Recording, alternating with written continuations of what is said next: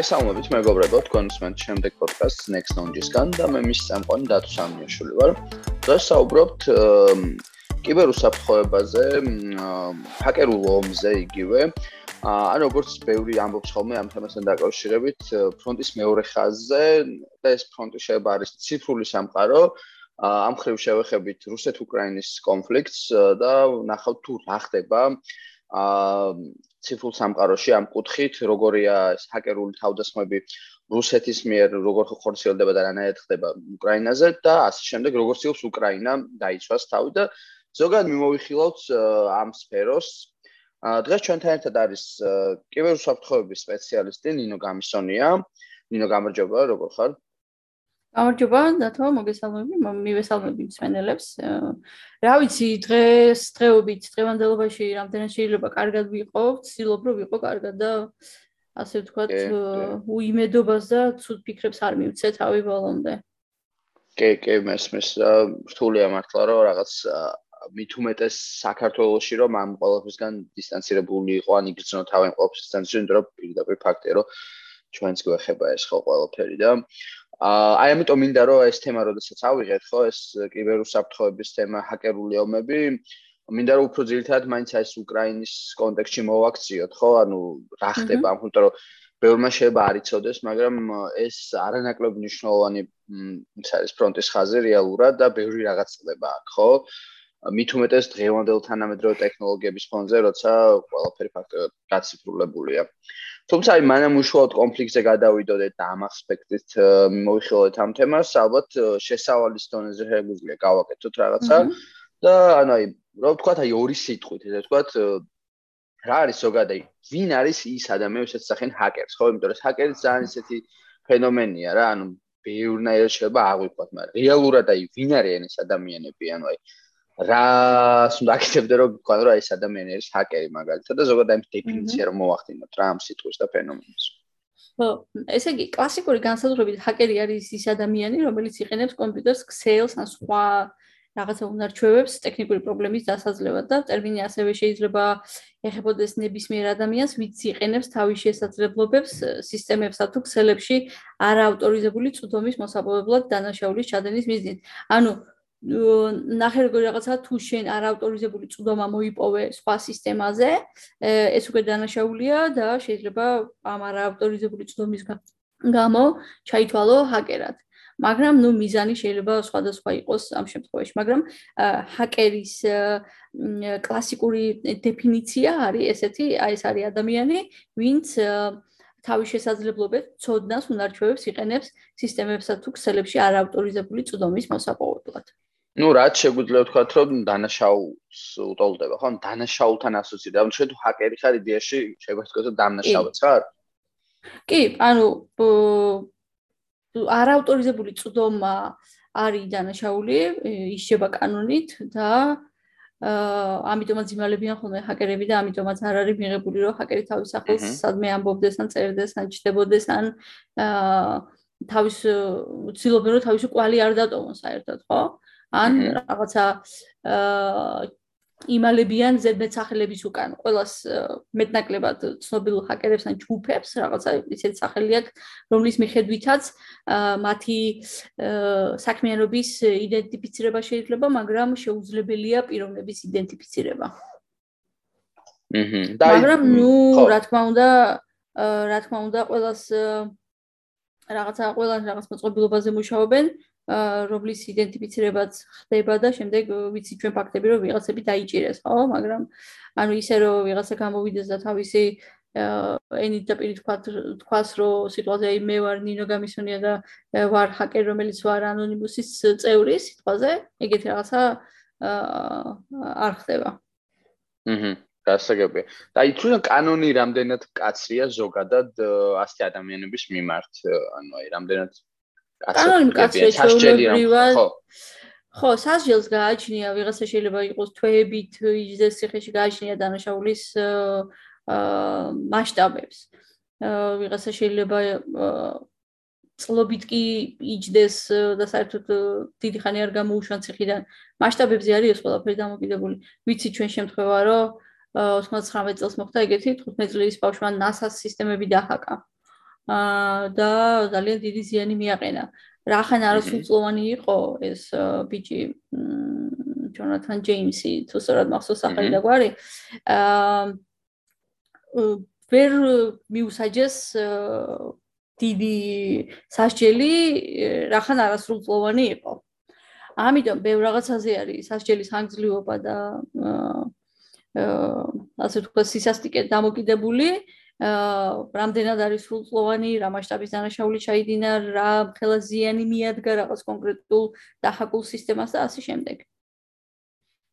ო, ანუ ეგ კი ბატონო და ანუ ამ აქედან არის თუმცა აი არის ხოლმე ეს რაღაცეები რა ფილმებში განსაკუთრებით, რომ აი ვითომ სახელმწიფოები რო ახდენენ ამ ჰაკერების გადაბირებას და არის აი გამიგიებების გარო არც ჟიან და მე თავის იმებში მიყავთ, იმიტომ რომ რეალოდ ხო გჭირდება ესეთი ადამიანი, ხო ლოგიკურია რომ ერთია რომ თავდასხმას ახორციელოს, მეორეა რომ დაცვისთვისაც საჭიროა, ხო? ანუ თუ აი რო შეგვიძლია ეგ ვთქვა რომ ამ ხილად საჭირო არის ესეთი ადამიანები?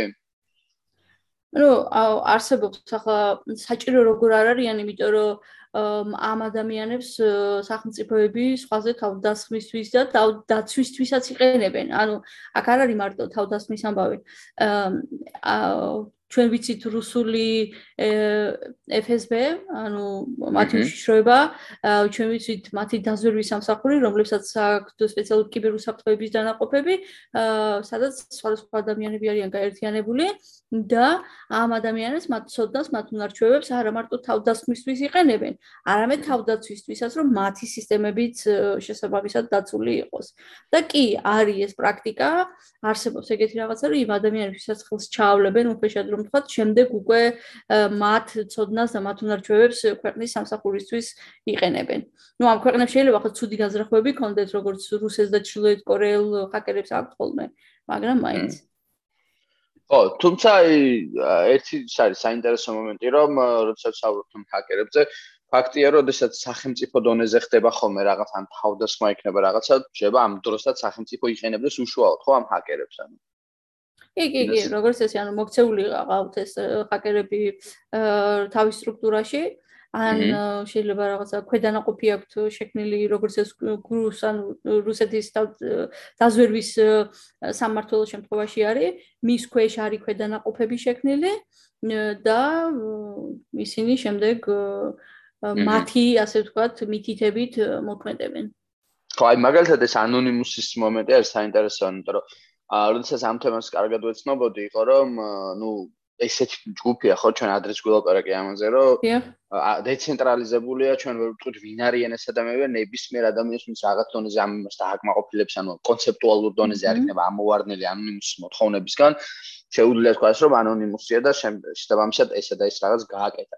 თუმცა აი ბევრი ამბობდა ამაზე რომ კიდაც ეს აა რუსულ კომპანიების თუ სახელმწიფო თავდასხმა რაც ხდებოდა ანონიმუსის მხრიდან რაც ხდება ხოლმე, ბევრმა თქვა რომ ეს შეიძლება იყოს უაც ამერიკის დაზვერვა ან ასე შემდეგ, ხო, მაგრამ ვერც გააკონტროლებ ამას, ხო, ხა შეუძლია ნებისმიერ ადამიანს ადგეს დაждდეს და განახორციელოს ისეთი რაღაც ჰაკერული თავდასხმა და თქვა რომ ანონიმუსიო და არ იტყვის რომ მაგალითად მე ვარ ამერიკული რაღაცა დაზვერვის წარმომადგენელი. ხო და აი რეალურად ეს ესეც ალბათ ზართულია, ხო ამ პროცესების გარჩევა ერთმანეთისგან, ხო? მ გეთახმები მაგამ ბავში, მაგრამ როგორც წესი თავდაცვის სისტემებში ვინც არის გარკვეული, მათ აქვთ ხოლმე ინფორმაცია, რომ ვინ შეიძლება ის იყოს, ანუ რაღაცა ინფორმაცია როგორ ანუ თუ შეტევა მოხდა რაღაცა კონკრეტულ სისტემაზე, ისინი ამას იკვლევენ და შემდეგ უკვე მეტნაკლებად იდენტიფიცირება ხდება, რომელი ქვეყნიდან მოხდა ეს შეტევა.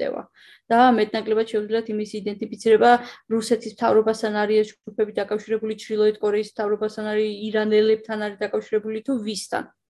ამის მეტნაკლებად მეტნაკლებად ასე ვთქვათ დიფერენცირება ხდება. თუ ვინ შეიძლება იყოს. და უშუალოდ როგორც უკრაინის შემთხვევაში მოხდა, ჩვენ ვიცით, რომ 19 იანვრიდან ძალიან ბევრი შეტევა მოხდა უკრაინულ სისტემებზე და მეტნაკლებად ეს ჯგუფები, ვინც განახორციელა ეს შეტევები, თავისი რიცხვების და დღეების მიხედვით, რომელმა ჯგუფმა რა სახის ვირუსი სადგაუშვა რომელ სისტემაში, იდენტიფიცირებული არიან და იციან მეტნაკლებად, რომ სიტყვაზე UNC 1151 ესეთი ჰაკერული ჯგუფი არის, ეს არის ბელორუსული ჯგუფი. აა სიტყვაზე Isaac Wiper-ი არის ეგეთი Wiper-ი, რომელიც ყველაფერს შლის კომპიუტერულ სისტემებში, იციან რომ არის რუსები დგანან ამის უკან. მიმიხდი ხო ისი თქმამიდა, ანუ არის რაღაცა სისტემები, რომლებიც ერთ ასე ვთქვათ კოდზე არის აწყობილი და მათ იციან რომ აი ამ კოდზე თუ არის ეს ვირუსი აწყობილი, მაშინ ეს მის უკან დგას დგანან რუსები. იმიტომ რომ ყოველს თავისი ხელწერა აქვს, ხო ხდები?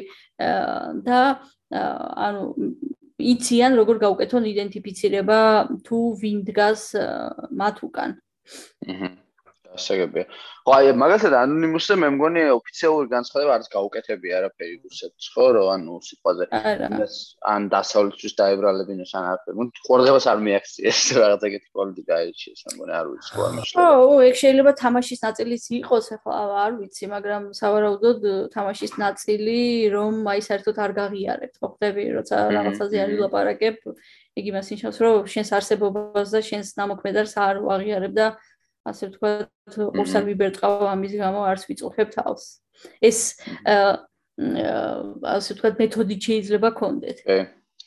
ხო, აი სანამ მუშაობ უკვე აი კონფლიქტის თემაზე წავედით რეალურად, მაგრამ აი სანამ მუშაობ უკვე ამას გადავთ, ერთ შეკითხვას მინდა დავსვა ესეთი შესავალის ფორმატში, ვთქვათ. რომ აი ზოგადად როდის გამოჩნდა ეს ჰაკერული დაჯგუფებები პირველად რა, ანუ გასაგებია რომ ეს ყველაფერი ციფრულ სამყაროსთან არის დაკავშირებული, მაგრამ აი ვინ იყვნენ ეს პირველი ესე ვთქვათ ჰაკერები, ეს დაჯგუფებები და ეს საერთოდ რაღაცა ეს ყველაფერი ახალი იყო, როგორ დაიწყო რა ეს ესეც რო ვთქვათ ეგეც მაინტერესებს რა. და ალბათ შენელს. აა მოგლედ ისტორია შეიძლება ძალიან ძალიან ძალიან შორს გავუყვეთ და ბევრი დრო წაგვიღოს ამას ლაპარაკმა, მაგრამ პირველი ასე ვთქვათ იდენტიფიცირებული ჰაკერი ეს იყო კევინ მიტნიკი. რომელმაც სხვათა შორის 79 წელს ჯერ კიდევ 16 წლის ასაკში მოიპოვა უნებართვო წოდება საოლქო საარჩევნო კომისიის კომპიუტერულ ქსელში. 79 წელზე ალაპარაკი და მაშინ რაღაცა სახის კომპიუტერული ქსელი ხო, ანუ ინტრანეტი რაც იყო, ქონდათ ასეთი არსებობდა და მისი პროგრამული უზრუნველყოფა დააკოპირა თავისთვის, რაც თავისთავად გამხელა იყო ეს დამაინტერესო. 16 წლის იყო, 16 წლის იყო ეს ბიჭი. ხო, ოღონდ შეხედე ამ ამ დანაშაულისთვის მას ბრალი წაუყენეს მხოლოდ 88 წელს და 12 თვის თავისუფლების აღკვეთა მიესაჯა. მაგრამ მერე გამოუშვეს და 3 წლის განმავლობაში ეს ტიპი ზერამხედველობის ქვეშ ყავდათ, რომ აი რასაკეთებდა, რამეს ხო რა ფუჭებდა და კიდე სადმე ხორძრებოდა და ვინმეს რამეს ხო არ უტეხავდა. აა მერე ანუ შემდეგ ზედამხედველობის ქვეშ რო იყო ისე მოახერხა რომ Pacific Bell იყო ეგეთი ის რა ქვია სატელეფონო კომპანია და მათი ხმოვანი პოსტის კომპიუტერების გატაყვა მოახერხა ამ ტიპმა და როცა უკვე მისი დაკავების ორდერი გამოვიდა გაიქცა და 2 წელიწად ნახევარი იმალებოდა. და მე როგორც დაადგინა შეერთებული შტატების იუსტიციის დეპარტამენტმა ამ დროის განმავლობაში მან უნებართვო წუთმა ათობით კომპიუტერზე მოიპოვა კიდე ანუ სანამ იმალვაში იყო. და იმისთვის რომ თავისი ადგილმდებარეობა დაემალა ამისთვის კლონირებულ მობილურ ტელეფონს იყენებდა წარმოიდგინე რა დონეზე იყო მაშინ ჯერ კიდე და სხვა დანაშაულებთან ერთად ანუ იპარავდა პაროლებს ვიღაცის ქსელებში ძრებოდა პირად წერილებს კითხულობდა და ასე შემდეგ მოკლედ აი ყველაზე ისეთი ცნობილი და ყველაზე პირველია ისეთი დაფიქსირებული ჰაკერი ჰაკერად კევინ მიტნიკი არის აღიარებული რომელიც 16 წლის ასაკიდან ამ საქმით იყო დაკავებული ვა და ბოლოს ეხარა შობა თუ არის სოციალური. ახლა სიმართლე გითხრა, არ ვიცი რა შვება ეს ადამიანი. ო, ძალიან საინტერესო. არა გამოიყენებდნენ ალბათ რა. ну, ანუ რაც მახსოვს ეს არის და შეიძლება იმის მოძიება თუ რასაკეთებს კევინ მიტიკი, მაგრამ ხო, საინტერესო ტიპაჟია აშკარად. და ნუ ალბათ მე ნელ-ნელა გამოჩნდა და გამოჩნდა რაღაც ახალი დაჯგუფებები, ხო ეს ჰაკერული და ასე შემდეგ. ხო, ნუ მე ყველაზე ისეთი ცნობილი ეს უკვე 2003 წელ 3 წლიდან იწყება ანონიმუსის ისტორია. მე მგონი, ანუ ახლა სხვადასხვა ჯგუფები ცხადია ანონიმუსის გარდა კიდე არსებობენ, მაგრამ ამ ჯგუფებს ყოველას რაღაცა თავისებური მიზანი აქვს, ხო? რაღაცა ჯგუფები არიან, რომლებიც კორპორაციებს თავს ესხმიან და ფულებს ზალავენ, რაც არის ძალიან ძალიან პოპულარული ჰაკერული ქმედება. ქმედება. აა მაგრამ უშუალო თავის ინტერესს რო იკმაყოფილებს ესე ვთქვა და რაღაც საზოგადოება. მაგრამ აი ესეთი ადამიანის გულს რო უხარია, ასე ვთქვა, ჩვეულებრივი ადამიანების გულს, ასეთი ჩვენ ვიცით ანონიმუსი, ხო?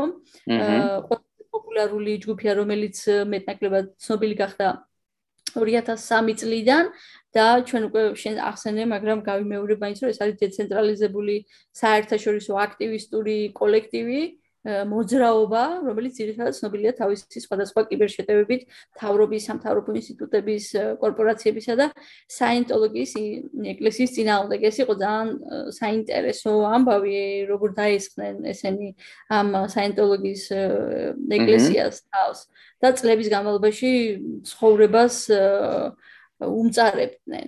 ანუ საიდან მოდის ეს ამბავი, რომ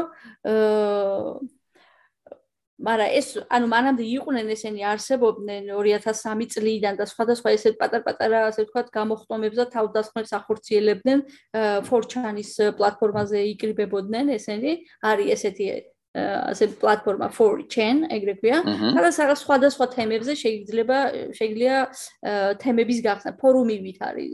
და აქ ნუ ერთ-ერთ ამ ფორუმზე ერთ-ერთი თემის ქვეშ იკრიბებოდნენ ესენი და მოდი ახლა თავს დავესხათ დავუშვათ DOS შეტევა განვახორციელოთ ვიღაცა სიტყვაზე. იმას აა შენი დავუშვათ სამსახურის რომელიღაც იმაზე ვებ გვერდზე და მოდი გავთიშოთ ეს სისტემები და ესეთ გამოხტომები ქონდათ. მაგრამ შემდეგ ნახე რა მოხდა უკვე ანუ აქტივისტთან და ჰაკერობასთან 2008 წლიდან დაიწყო მათი ასოცირება, იმიტომ რომ მაშინ დაიწყეს აი ამ საიენტოლოგიის ეკლესიის წინააღმდეგ სერიული ქმედებები. და ამ პროექტს ასე დაერქვა Project Chanology. 2008 წლის 15 იანვარს შეხედე რა მოხდა ჭორიკანა ბლოგმა Goker ეგეთი ბლოგი იყო გამოაქვეყნა ვიდეო რომელშიც ცნობილი საიენტოლოგი ტომ კრუზი რელიგიას ადიდებდა. და რატო არ მოეწონათ ამ ჩენის მოხმარებელს ეს ამბავი არ ვიცი მაგრამ მოაწყვეს რეიდი ეკლესიის წინააღმდეგ შურისძიების მიზნით ხუმრობით დარეკეს მის ცხელხაზზე, ან ურეკავდნენ ცხელხაზზე რაღაც ხუმრობებს ეუბნებოდნენ შავი შავსაღებას რო შეიძლება ისეთ ფაქს უგზავნიდნენ ნომერზე, ანუ ბევრი ფაქსი მისდიოდა, წარმოვიდგინე რომ 200 ფაქსი რომ მოდის იმისთვის, რომ კადრიჯი გამოლეულიყო. შემდეგ მათ გვერდზე დოს შეტევები დაიწყეს და ამ დროს მე ჯგუფის ამდენიმე წევრმა ანონებს ეძახიან თავის თავს YouTube-ზე ატვირთეს ვიდეო და რობოტული ხმით საუბრობდნენ აი როგორიც არის ხო იცი დღესაც იგივე ხმით საუბრობენ. და საინტოლოგების ლიდერს მიმართავდნენ რომ თქვენი მიმდევრების კაცობრიობის სასიკეთოდ სიცილისთვის ჩვენ გაგაძევებთ ინტერნეტიდან, ანუ მიზანი ეს იყო. და ამ ძალიან პოპულარული გახდა მაშინ ეს ვიდეო 10 წლის განმავლობაში, სადღაც ასობით ათასი ნახვა დააგროვა YouTube-ზე ამ ვიდეომ. და ნუ აი ამ სახით ეს რობოტული ხმა და სახელი და ეს იმის რა ქვია ანონიმუსის სახის საფარი აი აქედან წამოვიდა შემდეგ ამათ ასე ვთქვათ მათ სამარკო ნიშნა დაიღეს ეს ყველაფერი. ჰმმ, ძალიან საინტერესო, ოკეი. და ნუ დღეს ყველაზე პოპულარული ჯგუფი თუ შევა ჯგუფი ეს რეალურად მართლაც ანონიმუსია და მუდმივად მასზე ეს ხოლმე საუბარი. თუმცა შენ ახსენე გინდათ DOS შეტევა, ხო? ანუ როდესაც გადატვირთვა ხდება, ხო? ანუ როდესაც გადატვირთავენ ხოლმე ხელოვნურად ამ სერვერს, როგორც მე ვიცი და აი ამ ხრივადაც ხო რაღაც სხვადასხვანაირი ის არსებობს რა, აი როგორ შეიძლება ჰაკერული შეტევა მოხდეს, მაგალითად კორპორაციაზე ან შემდეგ და აი ესეც შეგვიძლია აუხსნათ, აი მე მაინტერესებს რანაირი შეიძლება იყოს რა, აი ამ რამდენაირი არსებობს ეს ძირითადი და როგორები და რა განსხვავებებია მაგალითად ამ ხრივ. აი ფიშინგი არსებობს ხო მაგალითად და ასე შემდეგ. კი ბატონო. კი ბატონო, კიბერ თავდასხმელი, ანუ ეს არასასრული მცდელობაა ყველა, ხო, კომპიუტერულ სისტემებზე, არაავტორიზებული წვდომა რომ მოხდეს და ინფორმაცია რომ მოიპარონ, შემდეგ ან გაცვალონ ეს ინფორმაცია რაღაცაში, გაყიდონ, გაანადგურონ, დაშიფრონ და რა ვიცი, მოკლედ და ამ ყველაფრის მიღწევა არის სხვადასხვა გზებით შესაძლებელი, ხო? აა და როგორი ტიპები არსებობს? ეს არის malware-ი, ანუ malware არის ესე ვთქვათ ზოგადი ტერმინი და ის გულისხმობს რომ ამ malware-ის ქვეშ სხვადასხვა ვირუსები შეიძლება იყოს. ეს ვირუსები შეიძლება იყოს ტროიანი, აა არ ვიცი, ბევრნაირი, მაგრამ არის სხვადასხვა სახელი. ტროიანი ანუ ეს ტროის ცხენთან ხო არ ასოცირდება? კი, ტროის ცხენთან, იმიტომ რომ შემოპარულია, კი, ზუსტად მაგასთან ასოცირდება. ხო და ანუ რა არის ეს malware? შეიძლება სხვადასხვა მიზანი ქონდეს, ანუ სხვადასხვანაირი ვირუსი იყოს ამ malware-ის ქვეშ. ეს არის მისი ზოგადი სახელი, ხო?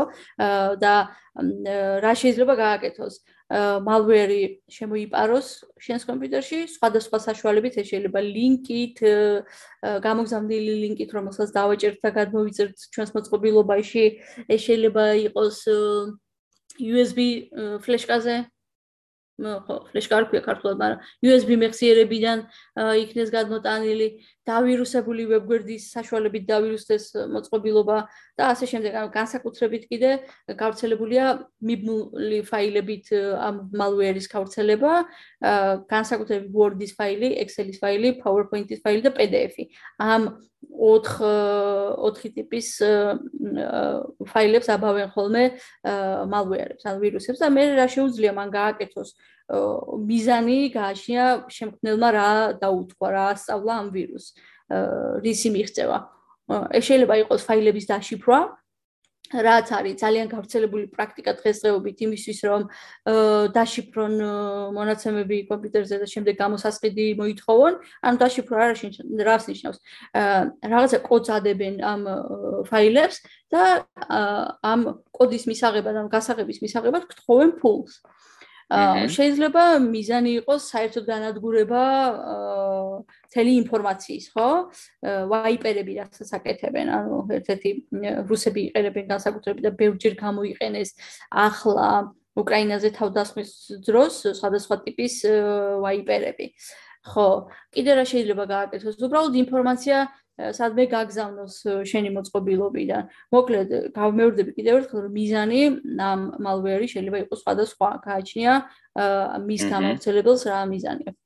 აა დოს შეტევა შენს ახსენე და ანუ ეს არის რაღაცა სისტემაზე წვდომის მოთხოვნა აა როდესაც ერთდროულად ბევრი ბევრი ადამიანი, ბევრი მანქანა, ბევრი IP ითხოვს წვდომას ერთ გვერდზე. ანუ როგორი რაღაცა იცი, წარმოიდგინე იყოს ოთახი, სადაც ეტევა მხოლოდ 10 ადამიანი, მაგრამ ამ ოთახში 50 ადამიანი ცდილობდეს ჩაკვეხებას. აჰა. აი, ხო. ფიზიკურად რო წარმოვიდგინოთ, დაახლოებით ეგეთი პროცესი, ანუ ამ ეს საიტი მეც ვეღარ იტანს. ოღონდ ეს შეტევა ხელით კი არ ხდება, დაუშვათ დათო და ნინო კი არ შედიან საიტზე, არამედ ამას აკეთებს პროგრამა. ხო? აგზავნის რაღაცა მოთხოვნას და ეს საიტი მე შეერდება. ნუ ამის დაცვა ცხადია არსებობს სხვადასხვა საშუალებები არის ამისი და ბევრი რაღაცა იყენებს, მაგრამ ნუ ყოველთვის შეიძლება იმ დაცვამაც ვერ უზრუნველყოს შესაბამისად ეს დაცვა.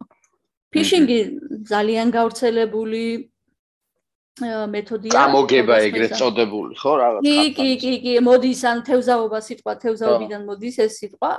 და ჩვენთანაც საქართველოსიც ანუ არ გეგონოთ ახლა ლაპარაკობის ერთ რაღაცაზე რომელიც მარტო ამერიკაში ან რუსეთში ან უკრაინაში ან ჩინეთში ხდება ჩვენთანაც ხდება ძალიან გავრცელებულია განსაკუთრებით კი ძალიან გავრცელებულია ამბავია ბოლოს აა რაც ყველაზე მეტად გავრცელდა ეს არის რომ my market G-ზე თუ გიდევს რაღაცა ნიფტი გასაყიდად წერენ ვიღაცები და ნუ შემდეგ გიგზავნიან ლინკს თითქოს ყიდულობენ შენს ნივს და გთხოვენ შენი ბარათის მონაცემების შეყვანას ამ ლინკზე იმისთვის რომ შენი ბარათის მონაცემები მოიპოვონ.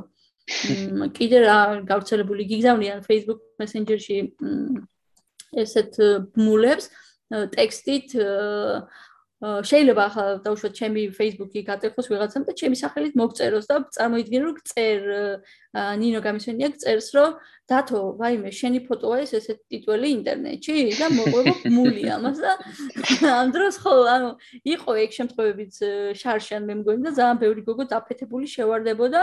ცხადია ლინკი არ იყო Facebook-ი იხსნებოდა ინტერფეისი რომელიც გავდა Facebook-ს და იქ დაფეთებული ადამიანი, რომელიც ფიქრობს, რომ მისი შიშველი ფოტოები მართლა გავრცელდა სადღაც, შევარდება ამ ლინკზე, ამ ინტერფეისზე უიგონია, რომ უნდა შეიყვანოს თავისი იუზერი და პაროლი და ნუ თავისი იუზერი და პაროლი შეყვანის შემდეგ ეს ინფორმაცია მისდიოდა იმ ადამიანს, ვინც ეს და აი აქ რა Facebook-ის იმას თხოვს მაგ დროს თუ რას თხოვდა ახლა სიტყვაზე იმ არა გააშია ამ შემთხვევაში აი ამ კონკრეტულ შემთხვევაში ბმული რომელსაც აჭერდი facebook.com-ი არისო მაგრამ ინტერფეისი ქონდა facebook.com-ის და ვიღაცა რო ხსნიდა რომ ეგონა რომ facebook-ზე იდო თავისი ფოტო და ეს ფოტო რო ენახა რომ ისე facebook-ზე უნდა შესულიყო. ეს არის facebook password-ს წერდა ხო შეგნით ანუ მაგას? ხო თავის user-ს და password-ს წერდა და ამით რა ხეირი შეიძლება ქონდეს რომ Facebook-ს რო გაგიტეხავს ვიღაცა, ანუ ჰაკერს რა ხეირი შეიძლება ქონდეს. ნუ, ბევრი ინფორმაცია შეიძლება მოიპოვოს შენგან გააჩნია რა სახის ინფორმაცია გაქვს შენ დატანებული და დამახსოვრებული Facebook-ზე, შეიძლება სხვადასხვა გვერდების ადმინისტრატორი იყო, იქ საბარათე ინფორმაცია იყოს მიბმული და რა ვიცი. აი უშუალოდ ლინკის გახსნა რამდენად საფათო შეიძლება იყოს ამ გულისხმობს რომ ანუ ხო ხდება ასე გულისხმობ ერთია რომ არ ჩაწერე ხა იმას რომ შიგნით რაღაც არ ჩაწერო კიდე შემდეგი ეტაპია და ეგრე ჭყალებს შევეთქო კიდე ცალკე უნდა დაგაგოიმოს ვიღაცა მაგრამ აი თვითონ ლინკის გახსნა რამდენად საფათო მარტო დაგაჩნია გააჩნია ლინკს. ანუ ამ შემთხვევაში თუ კიდე რაღაცა გაქვს შესაყვანი, არანაირი პრობლემა არ არის და მართლა უნდა რაღაცა common sense უნდა გამოიყენო, რომ არ შეიყვანო შენი user და paroli სადღაც. მეორე არის თვითონ მულები უკვე დაჭერის დროს უკვე გადმოიტანენ შენთან მოწყობილობაში რაღაცა malware-ებს, ანუ ცუდ ტიპებს და ამაზიანებელ რაღაცებს, ხო? ხო, ხო, ხო. ნუ, ამიტომ phishing-ის დროს აა ძალიან ფრთხილად უნდა იყოს ჯერ საერთოდ იქამდე არ უნდა მიხვიდე რომ რაღაცა შენ იუზერი და პაროლი შეიყვანო სანამ ლინკს დააჭერ რასჯერ უნდა დარწმუნდე რა საჭერ და საჭერი ხარ. ძალიან გავრცელებულია ფიშინგ ფიშინგის დროს ესე შორტ ლინკების გამოგზავნა ანუ URL-ი თვითონ ხო მისამართი დაშორტებული რომ რეალურად არ ჩანს რა არის ამის უკან და ადამიანები აჭერენ და ნუ შემდეგ რაღაცა ცუდი ამბები იწება მათ მოწყობილობაზე, იმიტომ რომ გადადიან რაღაცა მისამართზე, რომელიც არის დაავირუსებული და შეუძლია მოწყობილობაში დააყენოს რამე ვირუსი გადმოიტანოს. ნუ იმის დაუშვათ ხერხიც გვაქვს ახლა ჩვენმა ადამიანებმა მოიფიქრეს ეს, რომ სანამ ამ ლინკს ვეტაკებით და გაახსნით, მანამდე რომ სადღაც გადავაკოპიროთ და ვნახოთ რეალურად რომელი გვერდია მის უკან, რა URL-ია დაავირუსებული ხო არ არის და ასე შემდეგ. აჰა გასაგები. ხო, ნუ იმიტომაც არის ეს ბანკებისგან შეიძლება მოდის ხოლმე, ხო, რომ გაფრთხილება, რომ ცილად იყავით რა. კი, კი, კი, კი, კი, იმიტომ რომ ძალიან გავრცელებულია სხვათა შორის ბანკების სახელით ფიშინგი, მე მიგდებს Facebook-ზე, TBC-ის სახელით თითქოს რაღაცა გათამაშება ტარდება.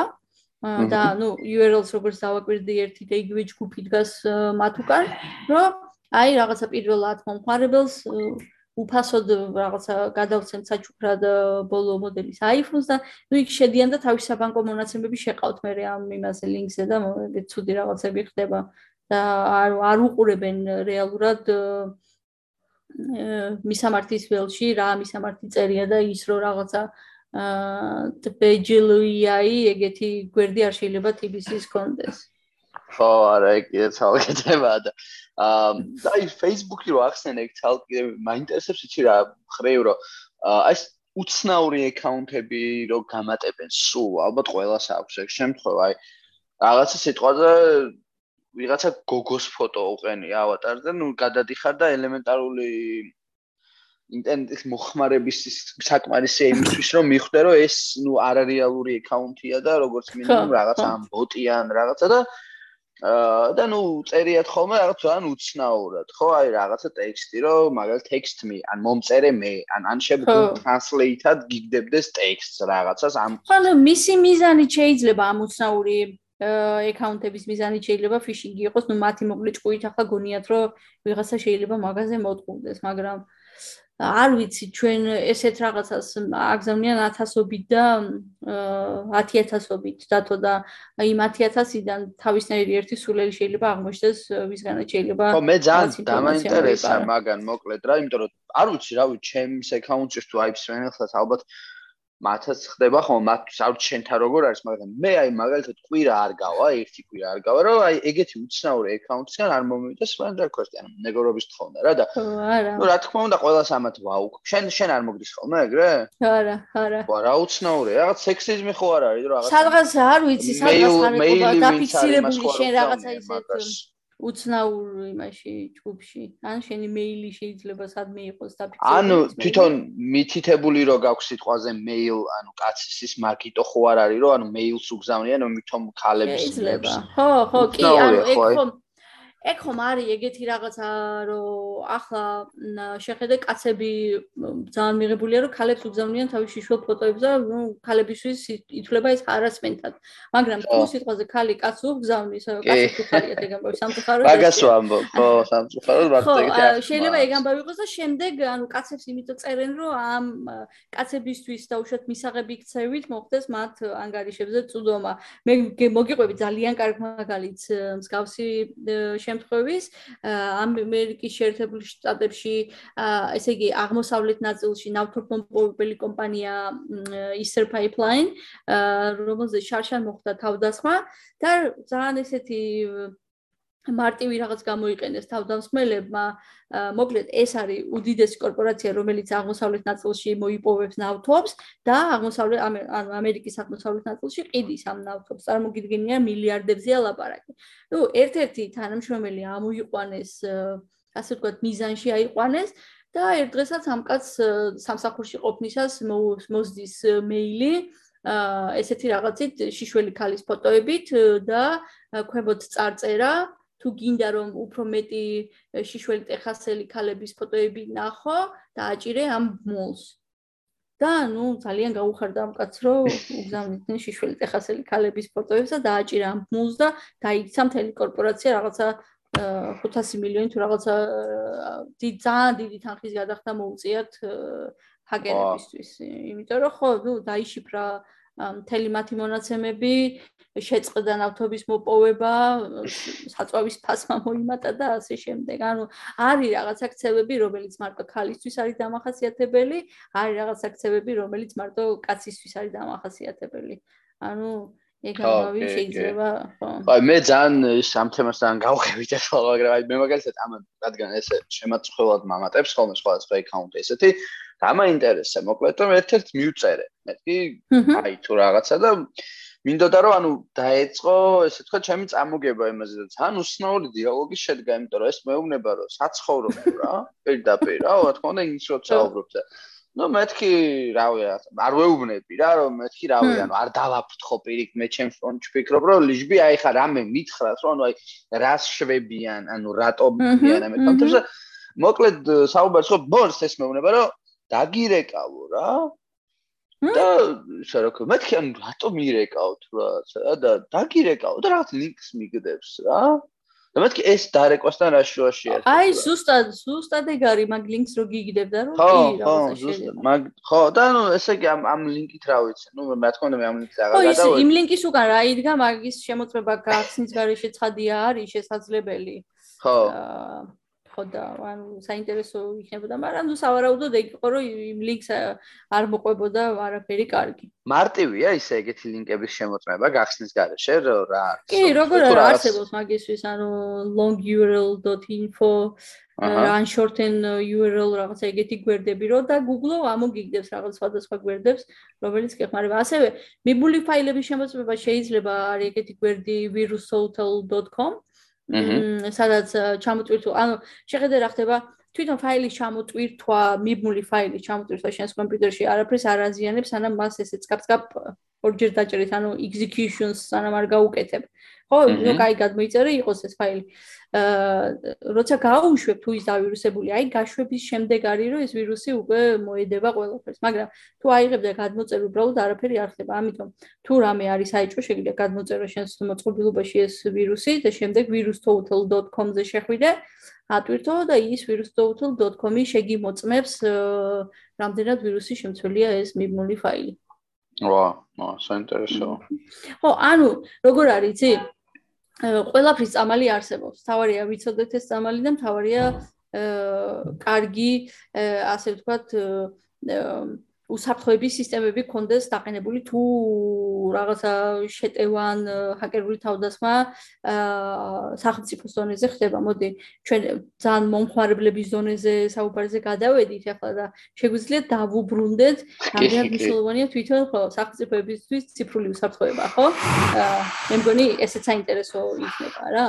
კი კი კი ნამდვილად. და ანუ აი მაგ ხრივ რო გადავიდეთ ამ თემაზე მინდა რომ აი იმას შევეხოთ იმიტომ რომ მე რო ვეცნობდი ამ თემას თქო ნახე რომ აი როგორც აი სამხედრო შეიარაღების დონეზე არის რეიტინგები სახელმწიფოების მაგ ხრივ არის ასევე ჰაკერული შესაძლებლობები ან ციფრული შესაძლებლობები და რამდენად საფათოა სიტყვაზე იმ ქვეყნის ა თუ მოუნდა სიტყვაზე შეუტიოს მეორე ქვეყანას ასე შემდეგ. ძალები ნუ ამ ხრივ პირველი ამერიკის შეერთებული შტატები იყო მეორე თუ არ მეშლება ჩინეთი და შემდეგ ბრიტანეთი იყო და ერთ-ერთი მოწინავე ხუთეულში იყო რუსეთი და მმ აი ამ ხრივ თან ნეონელა აღმით ალბათ უკვე გადავალთ უშუალოდ ამ კონფლიქტის თემასთან დაკავშირებით ხო რომ ანუ რამდენად ძლიერი არის ამ ხრივ რუსეთი და აი რა განსაზღვრავს სახელმწიფო სიძლიერეს ამ ხრივ? ანუ აი რა რესურსები აქვს უშუალოდ ჰაკერების რაოდენობაზეა საუბარი თუ აი კიდე სხვა რაღაც დეტალებია რაღაცეები უცბად ვიტყვი რომ რუსეთი ძალიან ძლიერია ამაში, მაგრამ მოდი ცოტა ესე შორიდან მოვუაროთ ზოგადად რა არის საერთოდ დასაცავი, ხო? რა არის საერთოდ ეს უსაფრთხოება და რომ რა შეგვიძლია ამას დაპირისპიროთ და როგორ ასე ვთქვათ, როგორ დავიცათ თავი, ანუ რას უნდა აკეთებდეს ქვეყანა და ანუ ძალიან მინდა რომ ჩვენი ქვეყანაც აკეთებდეს ამ რაღაცებს რა რასაც ხო და ეგეც მინდა რომ მე ჩვენი ქვეყნის ისიც როლის თქვა, რამდენად დაუცველები ვარ და დაცულები, კი ბატონო. აჰა კარგი, მოკლედ, ანუ ხო, ნუ თქვით რომ იქ სადაც თავდასხმის ამბები არის და თავდასხმელები ყავთ და ამას აკეთებენ, მათ იციან ასევე თავდასხმას, ხო? და და ეს უსაფრთხოება, კიბერუსაფრთხოება ძალიან მნიშვნელოვანია, რადგან ის უნდა იცავდეს ყველა კატეგორიის მონაცემს კურდობისა და დაზიანებისგან, ან დაშიფრვისგან, ან არ ვიცი, წაშლისგან, ან ყველაფრისგან. ანუ ეს გულისხმობს სენსიტიურ მონაცემებს, პერსონალურ იდენტიფიცირებელ ინფორმაციას, ანუ ეს შეიძლება ჩვენი ჯანმრთელობის მდგომარეობის ინფორმაცია იყოს, მოკლედ ძალიან დიდი რაოდენობით და სხვადასხვა სახის ინფორმაციაზეა ლაპარაკი, რასაც უსაფრთხოება და დაცვა ჭირდება. პროგრამ კიბერუსაფრთხოების პროგრამის გარეშე სახელმწიფო ვერ დაიცავს თავს მონაცემთა დარღვევისგან და ანუ თუ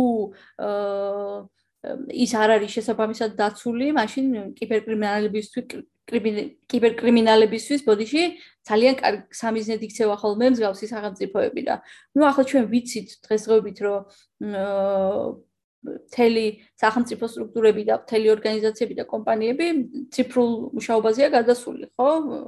ანუ ბევრი საიდუმლო ინფორმაციაც ვიცით, რომ ციფრული სახისაა, ციფრული სახით ინახება. ეს მონაცემები, მიმოწერები, არ ვიცი, სხვადასხვა საიდუმლო ფაილები, აა ადამიანები, რომლებიც რაღაც სტრუქტურებში მუშაობენ, მათი პერსონალური ინფორმაცია, ხო?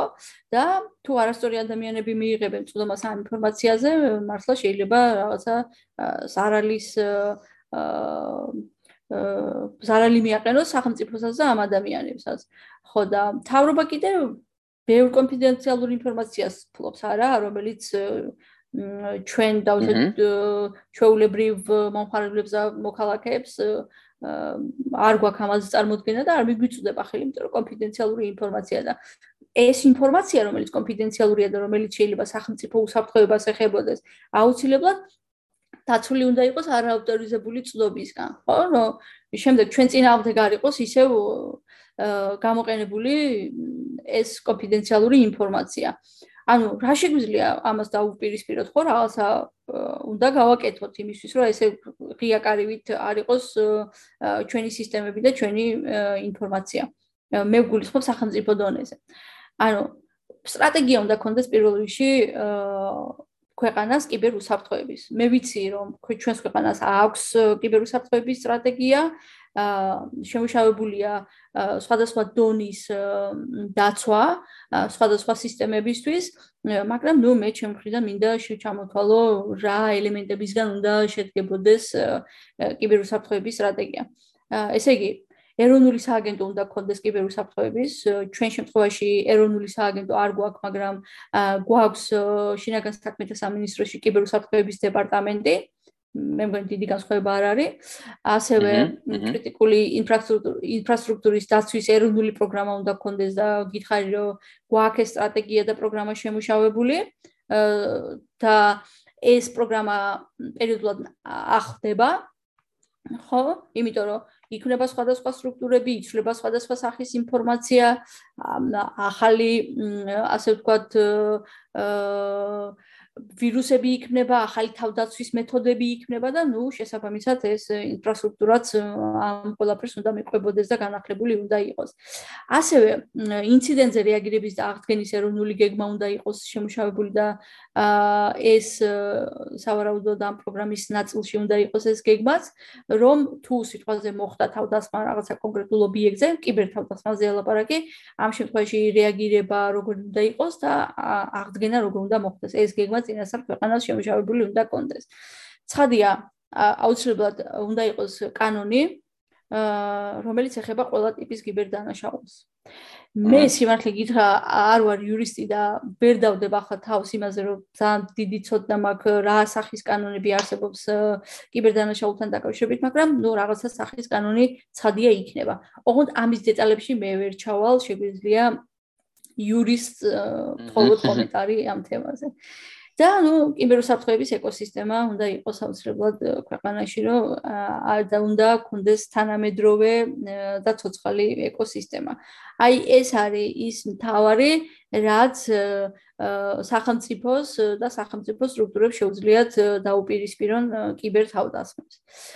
შენ ქონდა მეორე შეკითხვა კიდე თუ გამახსენებ, ანუ გავაგზავნე სიძლიერეზე და საქართველოს თემაზე იყო, რაც თქვი რომ ანუ ერთი რა ანუ ეს სიძლიერეთ რამდენ ძლიერები არიან სიტყვაზე, რა განსაზღვრავს ამ სიძლიერეს და ну ეს ქართულ რეალობაშიც კი ისაა. ხო, ქართული რეალობის ამბავი, ანუ იდეაში ვილაპარაკე უკვე რაღაც რაღაცები ჩვენს გვაქვს, ანუ არა ვართ თლა ისე რომ არაფერი არ ხდებოდეს, მაგრამ მე ეჭვი მაქვს რაზე იცი, რომ შეიძლება სამინისტროების ან რაღაცა საჯარო სამსახურების დონეზე სიტყვაზე არ ვარ დარწმუნებული, რომ ლიცენზირებული პროგრამული უზრუნველყოფა არის ყველგან.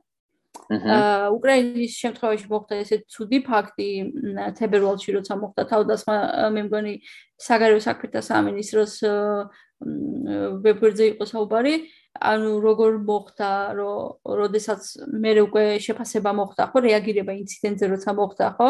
აღმოაჩინეს რომ რაღაცა მოწყობილობებზე Microsoft Office იყო დაკრეკილი ანუ კრეკი რა არის? იგივე malware-ია, იგივე პროგრამა, რომელსაც ვიღაცა ქმნის, ვიღაცა დგას ამის უკან და შენ იყენებ შენს კომპიუტერში, შენს მოწყობილობაში ამ პროგრამას იმისთვის, რომ აქტივაცია არ მოხდეს. ხო, მაგრამ ჩვენ ყოველთვის არ ვიცით ვინ დგას ამ კრეკების უკან და ამ შემთხვევაში, ან უკრაინის შემთხვევაში აღნიშნა, რომ რუსების მიერ შექმნილი კრეკი იყო. აჰა. და ნუ რუსებმა ცხადია თავის მიერ შექმნილი ეს კრეკი ძალიან კარგად გამოიყენეს იმისთვის, რომ რაღაცა ერთ კონკრეტულ სისტემაზე მოიხდინათ თავდასხმა და მაგას ვამბობ, რომ ჩვენ შემთხვევაში ჩვენ საჯარო სტრუქტურებში მე ბოლომდე არ მაქვს ინფორმაცია, მაგრამ ეჭვი მეპარება, რომ ყველა მოწყობილობაზე ლიცენზირებული პროგრამული უზრუნველყოფა, ანუ ოფიციალური ლიცენზიებით ამუშავებენ მოწყობილობებს. არ ვიცი, მაგრამ არ ვარ დარწმუნებული. სიძლიერეს რაც შეეხება, ხო, ახლა უფრო ისეთ ცელ თემაზე გადავდივართ რუსების სიძლიერეზე და შეგვიძლია კონკრეტული მაგალითები მოვიყვანოთ, ხო? უკრაინის მაგალითზე რაც მოხდა, ანუ ძალიან ძლიერები არიან რუსები, ჩვენ ვიცით ან იმიტომ რომ ძალიან ძლიერი ხუთეულში არიან შენ თვითონ თქვი ხო როცა ინფორმაციას ვეძებდიო რომ კი როგორც თავში ვახსენე დაზვერვას რუსეთის დაზვერვის სააგენტო სამმართველოს ყავს შექმნილი ჯგუფები და ამასინათ გერმანი გერმანელმა გერმანელმა ჟურნალისტებმა გააკეთეს კვლევა და ესეთი სტატიაც გამოაქვეყნეს. შემდეგ ამ კვლევაზე დაყნობით FSB-ს ელიტური ჰაკერული დაჯგუფებები სადაც არის სახელებით და გვარებითაც კი მითითებული ის ადამიანები, რომლებიც ამ რუსული დაზვერვის სამართლოში გრუში მუშაობენ. და ნუ როგორ მუშაობს ეს სისტემა საერთოდ და ასე შემდეგ და ასე შემდეგ. ანუ ნამდვილად ხუთეულში არიან რუსები და უკრაინის მაგალითს რაც შეეხება მათ არა მარტო როცა ომი დაიწყო თებერვალში 24 თებერვალს არა მანამდე დაიწყეს შეტევები უკრაინულ სისტემებზე. ოღონდ იცი რამით აღნიშნა რომ ძალიან დიდი და მასირებული და კატასტროფული შეტევა ის არ ყოფილა.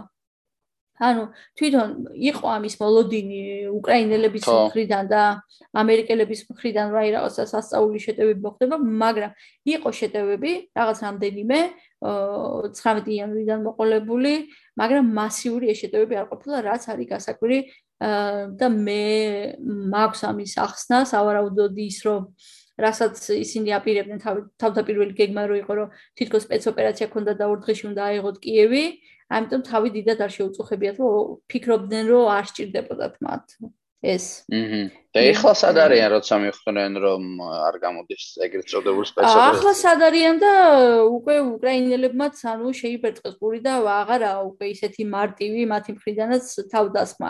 აი შეხედე რა მოხდა ანუ თავიდან და უშუალოდ 13 იანვარს ხო რაღაცა ვაიპერი გაავრცელეს მ უკრაინის საგარეო საქმეთა სამინისტროს ქსელში ან ვაიპერი რა არის რომ აა შლის მთლიანად თელ სისტემას.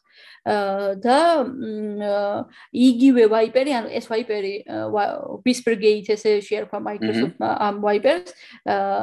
მსგავსია იმ ვაიპერისა რომელსაც ერქვა Not NotPetya ანუ არა პეტია რომ თარგმნათ და იგივე ამის ეს ნოტპეტია 2017 წელს იყო უკრაინის უკრაინელების წინააღმდეგ გამოყენებული. ანუ ამის მსგავსი იყო ეს whispergate-იც ხო ეს დაიწყო 13 იანვარს და თავიდან ეგონათ რომ ანუ ინფორმაციის დაშიფრვისთვის იყო ეს ვირუსი, მაგრამ შემდეგ აღმოჩნდა რომ ვაიპერია, ანუ ანადგურებს ძალიანად მთელ ინფორმაციებს.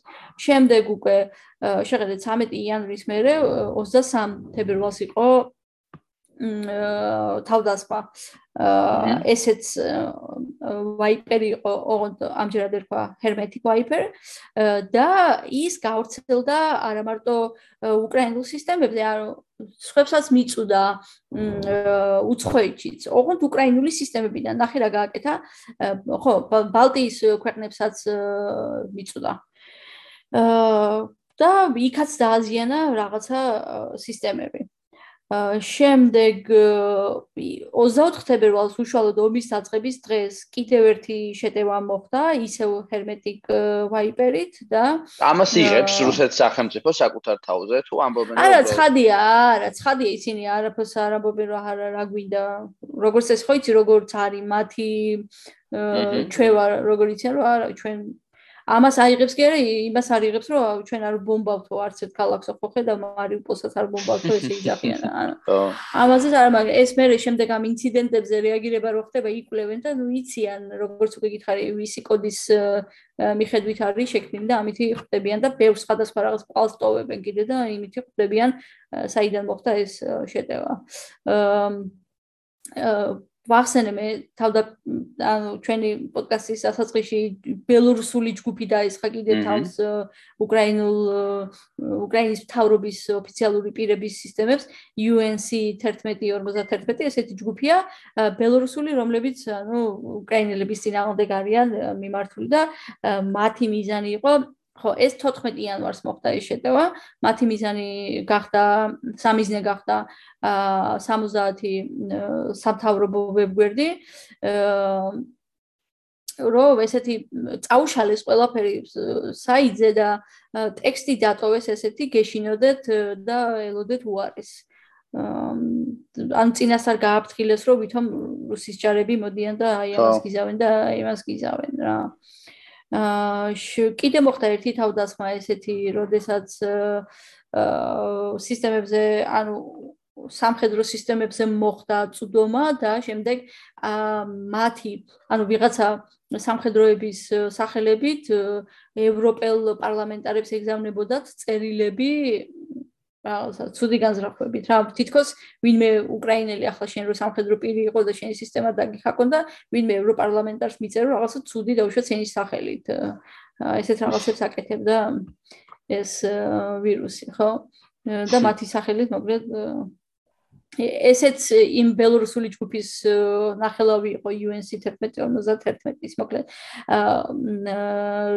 და კიდევ უკრნეტი არის ეგეთი საინფორმაციო პორტალი, მედია პორტალი უკრაინული, რომელსაც თავდასხმა ბოლომდე ვერ მოახერხეს, იმიტომ რომ Google-ის საფრთხის ანალიტიკის ანალიზის ჯგუფმა დროულად მოახერხა ამ თავდასხმის შემჩნევა და ნუ ვერაფერი ვერ უკნეს უკნეს. მაგრამ ანუ იმის თქმა მინდა რომ ყველა ეს თავდასხმა შემდეგ 14 მარტს იყო კიდე თავდასხმა 20 მარტს ანუ პერიოდულად აი ამ ომის განმავლობაში სულ პერიოდულად ხდებოდა თავდასხმები. და ნუ ძირითადად ეს იყო ვაიპერები, რომლებიც ინფორმაციას ანადგურებენ და ერთი იყო კიდე გამარედონი, ასევე რუსების მიერ არის შექმნილი და იციან ეს არის ცნობილი მაგათი ბექტორი, ანუ უკანა კარში იჯდება ესეთ მალულად ბექტორი, იმიტომ ქვია რომ არის სათვალთვალო პროგრამა. ხო და ეს გამარედონი ანუ ხო surveillance software ანუ სათვალთვალო ხო სწორად არის ქართულად სათვალთვალო პროგრამაა აა და ანუ ჩვენს მოწყობილობაში დაყენების დროს გითვალთვალებს ყველაფერს, რასაც აკეთებ. შეიძლება რაღაცას წერდე, პაროლი შეკავდეს, ვიღაცას წერილს წერდე, იღებდე, კითხულობდე, ამას ყველაფერს ხედავს. და ანუ 20 მარტს მოხდა უკრაინულ ორგანიზაციებზე, ამ ორგანიზაციებში ამ ვირუსის გავრცელება. მაგრამ ხო, იმის თქმა მინდა, რომ ეს ყველაფერი არის დადოკუმენტირებული და ყველა შეტევის უკან რუსები ან ბელორუსული ჯგუფი დგას, რომელიც ასევე რუსების მხარეს არის. თუმცა მე აქვე ან ვინმე ბელორუსმა რო არ მიწყინოს აქვე მინდა აღნიშნო, რომ არის კიდევ ერთი ბელორუსული ჯგუფი, რომლებიც უკრაინის მხარეს იბრძვიან, ასე ვთქვათ. ბელორუსული კიბერპარტიზანები, ასე ქვია ჯგუფსა, მათ უკრაინის სასარგებლოდ ბელორუსული რკინიგზის სისტემები დაჰაკეს და ამის გამო რკინიგზას მოუწე ხელით მართვაზე გადასვლა ბელორუსის რკინიგზას, რომ ეს თავშად ტანკები, ჯავშან მანქანები ესენი ესენი არ მieყვანათ დროულად უკრაინის საზღვარზე და არ გადაიყვანათ მოკლედ. აა ხო და უკრაინის მხარეს ასევე იბრძვის ანონიმუსი როგორც ვახსენეთ ხო? რომელმაც ომი გამოუცხადა რუსებს 1 მარტს და მათ მოახერხეს ის რომ დაჰაკეს რუსული მედია არხები რაშა 24 რუსია 24 პირველი არხი მოსკოვი 24 კიდე რაღაცა სხვა რადიო არხები. სადაც გაუშვეს ვიდეო კადრები უკრაინიდან. ხო ჩვენ ვიცით რომ პროპაგანდის ქვეშ არის მთელი რუსული მედია, არაფერს გავს არაჩვენებენ და ნუ მათ მოახერხეს რომ ეს ვიდეოები გაიშვათ პირდაპირ ეთერში და ნუ რადიოში კიდე რაღაცა იმის უკრაინის ჰიმნი ისმოდა მაგალითად. კიდევ უკრაინელებმა მოუწოდეს IT სპეციალისტებს რომ უკრაინის IT არმია ხო ეგრეთ წოდებული. ხო, IT არმიაში გაერთიანებული იყვნენ. და ნუ ძალიან ბევრი იყო ამითი დაინტერესებული. ხო და ასევე შექმნეს 1 მარტს გაუშვეს ვაიპერი უკრაინელებმა, რომელსაც ru ransom wiper ქვია. ანუ აა და როგორ მუშაობდა ის იყო საინტერესო რომ თუ ვინმეს მოწყობილობაში მოხდებოდა ეს ვირუსი, ანუ ხო გაუშვეს ქსელში თუ იყო რუსული IP მისამართი მაშინ ის თავის თავს execution ანუ გაუშვებდა და აყენებდა მაგრამ თუ დავუშვათ ქართულ სისტემაში მოხდებოდა მიხვდებოდა რომ ეს არის ქართული სისტემა და თავის თავს ანადგურებდა და არ უშვებდა დასაყენებლად. ო. აა ესე მუშაობდა ეს ვირუსი რომელიც ანუ 2022 წლის 1 მარტს ჩაუშვეს უკრაინელებმა. ну, თუმცა შეიძლება ამ ამბავში მათ ამერიკელებიც ეხმარებოდნენ და სხვა სხვა ქვეყნებიც. უკრაინა რამდენად ძლიერად არის შეფიყო შეფასებული მომხრივ რეიტინგულად ხო არის შემთხვევით ან რუსეთთან შედარებით სუსტი ალბათ. რეიტინგულად ხო, არ ვიცი, ახლა კარგი ითვლება რომ უკრაინა კარგი ვაიტიშნიკები ყავს, რაღაცა იმ გზას ადგა უკრაინა რომ თითქოს პროგრამირების ჰაბად გადაიქციათ ქვეყანა. მაგრამ ნუ ეხლა ყველაფერი შეწყვეტილია, მაგრამ ანუ თვითონ ჰაკერების თვალსაზრისით ვის რომელი რეიტინგი ქონდა, რა დონეზე იყვნენ, ამის თქმა არ შემიძლია არ მაქვს ამაზე ინფორმაცია. კი ბატონო. ხო, იცი რა, ამ რაღაცებს კი საუბრობთ, მაგრამ ეხლა უცებ გამახსენდა ის ნანახი ექნება მისტერ რობოტი, ნანახი გააქვს სერიალი რო არის ესეთი. არა. რა ხდება? აი, მანდარის ეს თემები, ეს ჰაკერული თავდასხმები რაღაცები და უბრალოდ მანდარი უფრო მასშტაბებზეა რა, დიდი მასშტაბი ფილმია მხატვრული გასაგები, მაგრამ აი, რამდენად შესაძლებელია თქვა იმ მაგრი, სადამდე შეიძლება წავიდეს ჰაკერული თავდასხმების შესაძლებლობები, აი, გინდაც ის რომ მოახდინონ არა ის რომ ეხლა რაღაც უფრო სიმბოლური რაღაცები იყო მაგალითად ანონიმუსიას წაკეთებდა და მეორეა როდესაც ისეთი რაღაც მოხდეს რომ აი თლიანად სახელმწიფო საბანკო სისტემა ჩამოშალონ. ანუ რაღაც ისეთი რაღაცა შეიძლება. სამარტივად შეიძლება ანუ წარმოიდგინე რომ ერდილაც დგები და რაღაცა ახალ ამბებს ჩართავ რომ მოისმინო რომ ცნობები რაღაცა ქვეყნის წინააღმდეგ მასიური კოორდინირებული კიბერშეტევის შესახებ ლაპარაკობს ვიღაცა და ძალიან შეიძლება ეს ახალი ამბავი იყოს, რომ ჰაკერებმა მთავრობის უმაღლეს დონეზე შეახსეს კრიტიკული ინფრასტრუქტურაში გატეხეს ბანკები, ელექტროენერგიის სისტემები, კომუნალური საშუალებები, სატრანსპორტო კვანძები, საავადმყოფოები, ანუ ჩვენ ხო გვაქვს იმის მაგალითები, რომ ორკინიგზა გატეხეს, აგერ ახლა ვლაპარაკობდით, ხო? რაღაცა ის შეძრდნენ, სადღაც ინფორმაცია მოიპარეს, ანუ ჩვენ არ ვიცით ადამიანის შესაძლებლობა ძალიან ფართია ამ თვალსაზრისით, ხო? და შეიძლება წარმოუდგენელი ჩანდეს ეს ყველაფერი ეს სცენარი, მაგრამ სრულიად შესაძლებელია. საბანკო სისტემა მთლიანად ჩამოშალო რუსეთის ეს შესაძლებელია, ეხა სიტყვაზე ამ მთლიანად გათიშოვანი. იცი რა შეუძლებელია არაფერი არ არის მაგას გეუბნები რომ კი შესაძლებელია ეს ყველაფერი. რამდენად ახლა ვის რაში ჭირდება ეს სხვა ამბავია, მაგრამ გეუბნები შეუძლებელი არაფერი არ არის მე მოგიყვან რაღაცა მაგალითებს ანუ რამდენადაც ტექნოლოგია პროგრესირებს და პოლიტიკური არეულობა აგზელებს საერთაშორისო ურთიერთობების დახევას განსაკუთრებით ძლიერ ქვეყნებს შორის მაშინ არ ვიცი რატომ არის ხო შეუძლებელი. აი წარმოიდგინე ეგეთი რაღაცა. მე დღეს ჩვენი საუბრის დროს ბევრჯერ ვახსენე ჩრდილოეთ კორეა. ჩვენ ჩვენი გაგებით ჩრდილოეთ კორეა ძალიან ჩამორჩენილი ქვეყანა გონია, ხო? და არის რეალურად რაღაცა სფეროებში. და უმეტეს სფეროებში ძალიან ჩამორჩენილი, თუნდაც ეკონომიკურად, თუნდაც რაღაცა სოციალური თვალსაზრისით და ასე შემდეგ. ან ტექნოლოგიური თვალსაზრისით რა არის წარმოება აქვს, არაფრის წარმოება არ აქვს, თუმცა დღესდღეობით ცნობილია ორი ჩრდილოეთ კორეული ჰაკერული ჯგუფი, რომელმაც უხეშად და ჟარგონზე რო თქვა ტვინი წაუღო სამყაროს უკვე რა. იმის გარდა რომ ცხადია ისინი სახელმწიფოს ქვეშ მოქმედი ჯგუფები არიან, იმიტომ რომ სხვანაირად ინტერნეტი შუა კორეაში არ არის და ანუ სახელმწიფოს მითითებით მოქმედებენ, ხან ვისესხმიან თავს, ხან ვისესხმიან, ამას წინათ იყო შემთხვევა კიდე რომ ძალიან დიდი რაოდენობით კრიპტოვალუტა მოპარეს ვიღაცებს.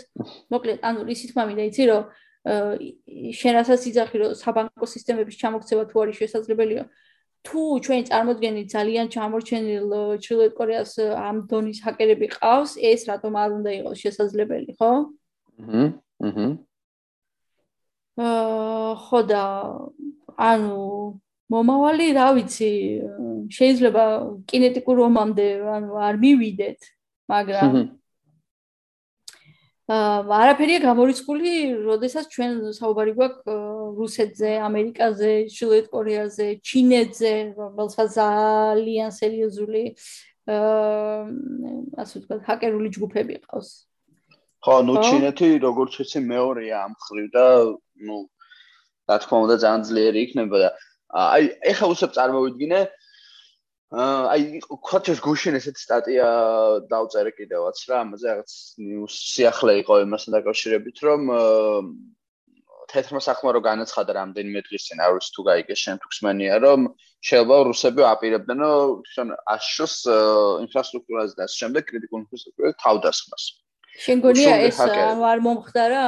აგერ იყო 2 წლის უკან ესე მასშტაბურად, იმიტომ რომ ესენ ძალიან რაღაც შეამბობდნენ, რომ ძალიან მასშტაბური სიგეგმებაო და მოკლედ რაღაც თელი ეს მომზადების პროცესი და კომპანიებს ურჩიეს, რომ მზად იყავით და ასე შემდეგ რა, მოკლედ. თვითონ ბაიდენმა თქვა ეს და.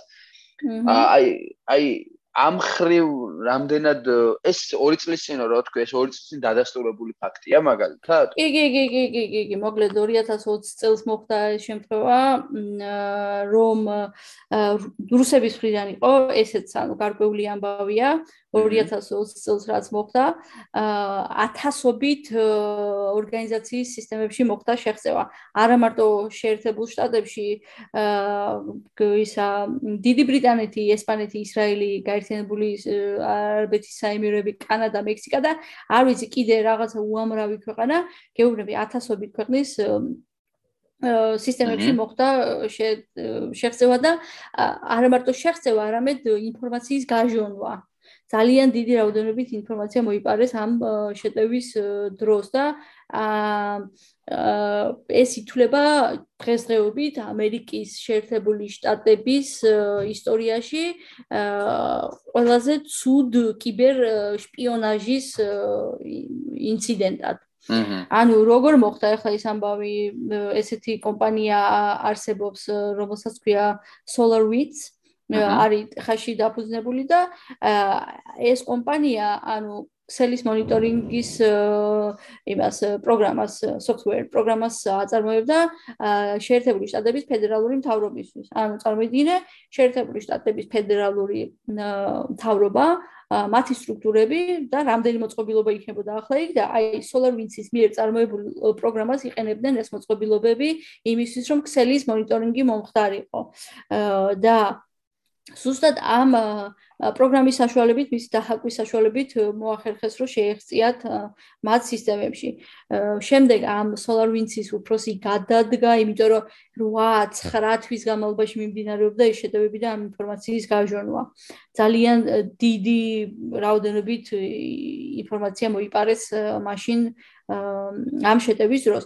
და კონკრეტული სახელები დადეს ვინ იდგა ამ შეტევის უკან ესე იგი ეჭვიტანილები. ცხადია ამას ვერ უმტკიცებენ ახლა და არც აღიარებს ამას არასოდეს რუსეთი მაგრამ berserk beer არის ეგეთი ზედმეტ სახელი აქვს ამ ტიპს და ანუ ცნობილია ჰაკერულ სამყაროში ამ თავდასხმებზე რუსია. cozy beer არის მეორე ზედმეტ სახელი რუსეთიდან ესეც FSB და გრუ დაზვერვის სამმართველო. ანუ ეს ну, ცხადი ახლა ეს Berserk Beer და Cozy Beer ან FSB-ში მუშაობენ, ან გრუში მუშაობენ რომელიმეში რა და ძალიან 8 8-9 თვე ებრძოდნენ ამ ამ შეტევას და დაგისახელო მათ შორის ანუ ამერიკის შეერთებული შტატების ფედერალური მთავრობის გარდა ვინ იყო კიდე ნატო ბრიტანეთის მთავრობა ევროპარლამენტი Microsoft-ი და არ ვიცი კიდე ბევრი ორგანიზაციაც და საერთაშორისო დონეზე პასუხის პასუხის მოთხოვნა რატო არ ხდებოდა ამ ძალიან არ ხდებოდა იმიტომ რომ ვერ უმტკიცებენ ამას ვერ უმტკიცებენ. აჰა და ამიტომ არ ხდება. მაგრამ ჩემი გაგებით დახულ კარს მიღმა ამაზე პრეზიდენტებს შორის ცხადია საუბარი არის ხოლმე. აჰა ხო აი გაგიგი ალბათ ჩემ ბევრჯერ იგეთ კომენტარი, როდესაც შეხვედრიდან გამოვლენ მაღალი თანამდებობის პირები და ვილაპარაკეთ ამაზე, ამაზე, ამაზე და მათ შორის ორ ქვეყნებს შორის რაღაცა კიბერუსაფრთხოებაზე თანამშრომლობაზე რაღაცა, აი გულისხმობს ზუსტად ამ თემებზე საუბრს. თუ უფრო მეტი გაინტერესებს ამ ამბავზე SolarWinds ეთეკი შეგიძლია დაძებნო და მოკლედ ძალიან ბევრ ინფორმაციას მიიღებ. ხო რაღაცა მინდა და კიდე ამ თემასთან დაკავშირებით მეთქვა ხო ანუ კიდევ ერთი შეტევის მაგალითი შემიძლია მოვიყვანო შუა შუა რა ახლო აღმოსავლეთში განთავსებული ამერიკის შეერთებული შტატების სამხედრო ბაზაზე მოხდა კიდევ მე მგონი 2017 წელს ზუსტად არ მახსოვს, მაგრამ მე მგონი მომიტევებთ იმედი მაგამ თარიღის ზუსტად არ დამახსოვრებას, მაგრამ ნუ ეგ არ არის მნიშვნელოვანი, ანუ მოხდა ინტრანეტზე, ინტრანეტი დაჰაკეს, ანუ ინტრანეტი რა არის შიდაქსელი, ხო და როგორ დაჰაკეს, ახლა წარმოიდგინეთ თუ გარექსელთან არ აქვს შეტევა. სამხედრო ბაზა იყო ახლა აღმოსავლეთში, ამერიკის შეერთებული შტატების ჯარის და ну გარეთ ჰქონდათ პარკინგი ადამიანები მოდიოდნენ ამ ბაზაზე აპარკინგებდნენ შედიოდნენ სამსახური იყო ეს მათი ხო? და ერთ-ერთ პარკინგის ლოდზე ვიღაცამ დატოვა USB მეხსიერება. და ვინც ეს იპოვა აიღო შევიდა სამსახურში და ვა USB მეხსიერება ვიპოვე შეერთა კომპიუტერში და ნუ თელი სისტემის ინტერნეტის დახაკვა მოხდა ამით ანუ ითვლება რომ ამერიკის სამხედრო ისტორიაში ერთ-ერთი ყველაზე დიდი შეტევა მოხდა ამითი. აჰა. ისე აი ერთი თუ შეგვიძლია თქვა აი მაინც თუ არის ესეთი რომ თანხმდებოდნენ რომ ეს ყველაზე დიდ ჰაკერულ თავდასხმად რა ითვლება აი ეს აი რომ ყველა თქოს ხო აი ეგ არის რა ვიღაც აი ეგ არის რომ თუ არ არის ეს ერთი ვერ გამოყოფთ სიტყვაზე. აი ეს SolarWinds-ის დაჰაკვა ძალიან ისეთი ამბავი იყო, იმიტომ რომ მართლა ძალიან ბევრი ინფორმაცია და კონფიდენციალური ინფორმაციაც აა ინფორმაციამაც გაჟონა ამ შემთხვევაში. აჰა. ანუ 2000 ესე ქვია 2020 წლის შეერთებული შტატების ფედერალური მთავრობის მონაცემების გაჟონვა. აა ხო, იყო კიდე ძალიან დიდი ის რა ქვია თუ გახსოვ შენ ამბავი მოყვა, როდესაც ედვარდ სნოუდენმა აა გამოიტანა ინფორმაცია, რომ წლების განმავლობაში შეერთებული შტატები ასე ვთქვათ უთვალთვალებდა სხვადასხვა ქვეყნებს, მათ წარმომადგენლებს იყო რაღაცა ქვეყნებში, სიტყვაზე ბაჰამაზე ან მექსიკაში, ან სხვადასხვა ქვეყნებში საერთოდაც მათი თავრობის ნებართვის გარეშე სატელეფონო ზარებს უსმენდნენ და აბსოლუტურად ყველაფერს იწერდნენ. და ეს სნოუდენის მიერ გამოტანილი ინფორმაცია, რომ შეერთებული შტატების თავრობის მიერ და FBI აკეთებდა სავარაუდოდ ამას ხო? უსმენდა ასე ვთქვათ განურჩევლად ყველას და უთვალთვალებდა ყველას. ხო. ამერიკას რა შეუძლია შენი აზრით? სიტყვაზე აი რო ადგეს და თვითონ ამერიკამ შეუტიოს. აი წარმოიდგინე სოფლიომე ჰაკერული სოფლიომე როგორ წარმოგიდგენთ? თუ შეგვიძლია რამე ესე წარმოვიდგინოთ ჰიპოთეტურად მაგალითად? ცხადია შეგვიძლია მაგრამ მარტო ამერიკა არ არის მაგიტომაც ვამბობთ რომ არიან რუსები რომლებსაც შეუძლიათ ძალიან კარგი თავდაცვის სისტემები დაუყვედრონ იგივე ჩინეთი ხო ანუ შენ გააჩნია რა უნარები გაქვს, რა ცოდნა გაქვს და ამ ცოდნაზე და უნარზე დაფუძნებით რა პროგრამას შექმნი. ხო? ამაზე ყველაფერი დამოკიდებული. რა ტექნოლოგიები გაგაჩნია, რაზე იმუშავე და შენი მოწინააღმდეგე კიდე რას დაგახვედრებს. ახლა ჩვენ არ ვართ ისეთი მოწინავე ქვეყანა და მე არ მგონია რაღაც ჩვენი სისტემების გატეხვა ისეთი რთული ამბავი იყოს. ხო, მაგრამ ახლა სიყოდი შეიძლება ამერიკელი ვერ მივარდეს და ჩინელების სისტემები ვერ გატეხოს ისე მარტივად, იმიტომ რომ აი შემთხვევა რო იყო აა გერმანიის საგარეო საქმეთა სამინისტრო აღმოაჩინა რომ ეს რუსების რაღაც ეს ჰაკერული დანაყოფების მიერ მოხდა თავდასხმა და რაღაცა პერიოდის მერე აღმოაჩინეს ეს ამბავი. თუმცა რამდენი ხანი იქეკებოდნენ მათ სერვერებზე არის არიცოდნენ ანუ მაშინ და მე ეგრევე არ მივარდნენ შეხედე ანუ ესეც არის რომ ის კი არა რომ დაუბლოკეს და გააგდეს და წაშალეს და ასე ვთქვათ აღმოფრეს ყველაფერი. აცალეს რაღაცა რამდენი ხანი იმიტომ რომ ისხენ და აკვირდებოდნენ როგორ მუშაობდნენ. აჰა. თავდასხმელები ხო? ანუ სხვადასხვა მეთოდები არსებობს ამის თვის, ანუ გააჩნია ვის რა მიზანი აქვს და როგორ დახვდება. ომი ისედაც არის, იმიტომ რომ გაუთავებლად მიდის ამ ინფორმაციის მოპოვების მიზნით ერთმანეთზე თავდასხმა და ომი წარმოიდგინე რომ აი ახლა სამ წუთებშიც მიმდინარეობს ამასთან დაკავშირებით. აა მაგრამ ომი არ გულისხმობს დათო მარტო იმას რომ ერთი დაესხა მეორეს, ანუ ამას ხო თავის მოსამზადებელი პერიოდი აქვს, მათი სისტემების შესწავლა, ანუ ვისაც უნდა თავს დაესხა აა პროცესია ხო მთელი თვითონ პროგრამის შექმნა, ანუ პროგრამა იგულისხმება ვირუსი, რომელიც აგეხმარება შემდეგ ამ თავდასხმაში და მოკლედ გაუთავებელი პროცესია ეს. აჰა. კი ბატონო. აა და რაღაცაი ალბათ შეგვიძლია რაღაც ნე უნდა დასრულისკენ წავიდეთ და რაღაცაი აა დასრულისკენ ცოტა კიდე მომავალში რომ გავიხედოთ, აი მ აქტივიზმი რო ახსენე შენ რა ეს მომავალ მომავლის აქტივიზმი ან ზოგადად ჰაკერული სამყაროს განვითარება როგორ წარმოგიდგენია შენ და რა შეიძლება იყოს ამის ესე ვთქვათ მომავალი როგორც ახლომო შორეულში. რა მე უცებ გამახსენდა ეხლა მაგალითად.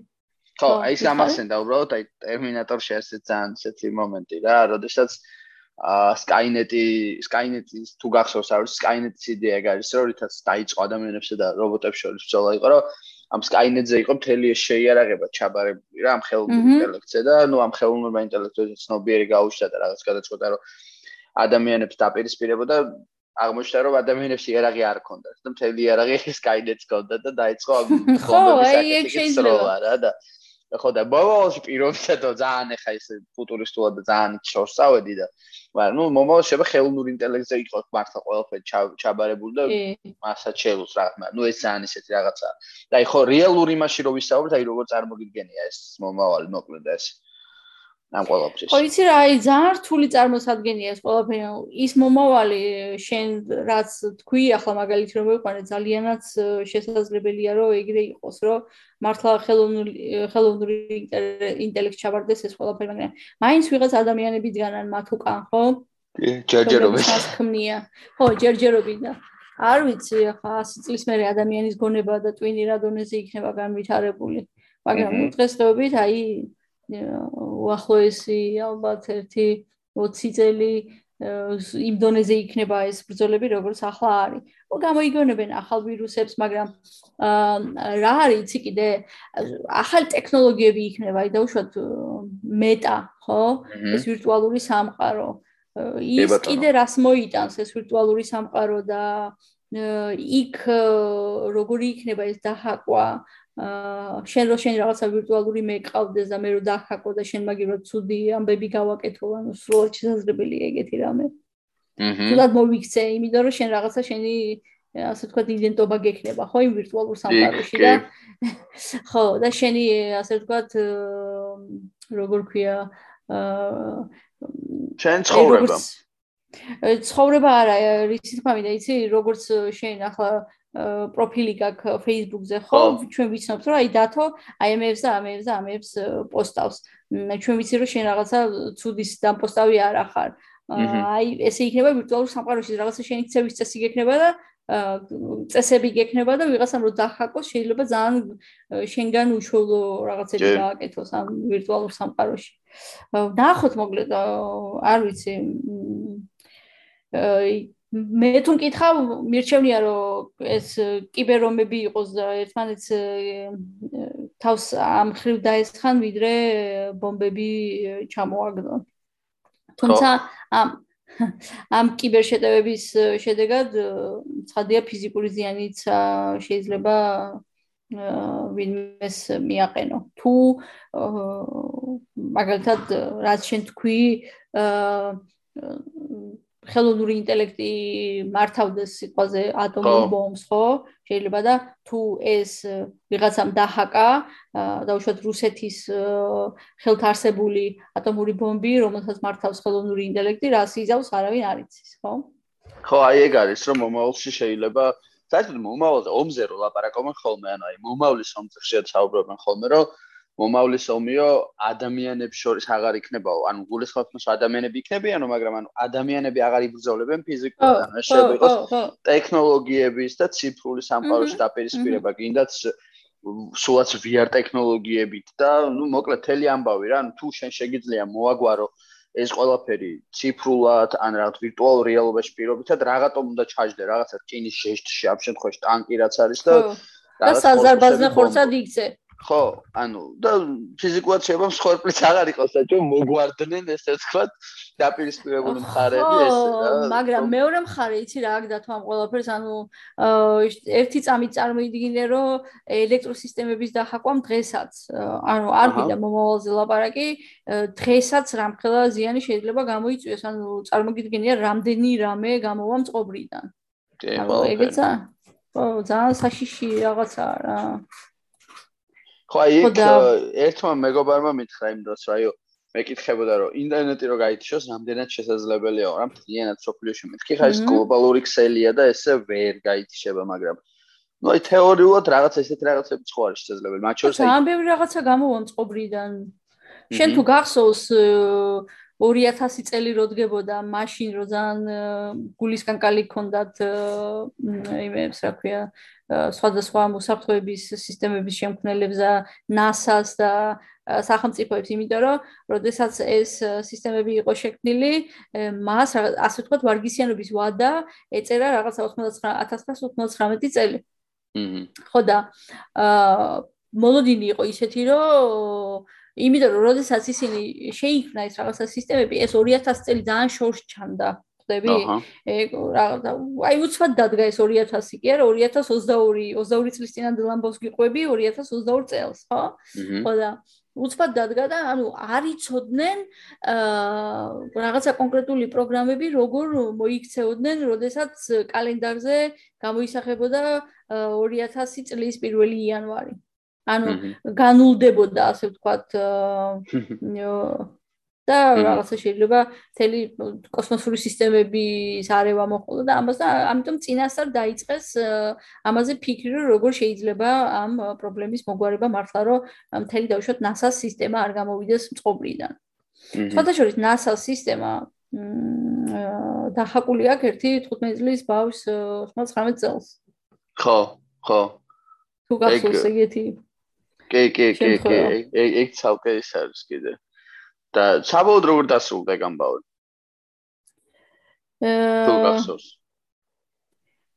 რა, აღარ მახსოვს სიმართლე გითხრა, რაღაც 15 წლის იყო მაშინ და ნუ ცხადია დაიჭირეს, მე კი მიაყენა მილიარდობით აა ზარალი ამ ბაუშმა.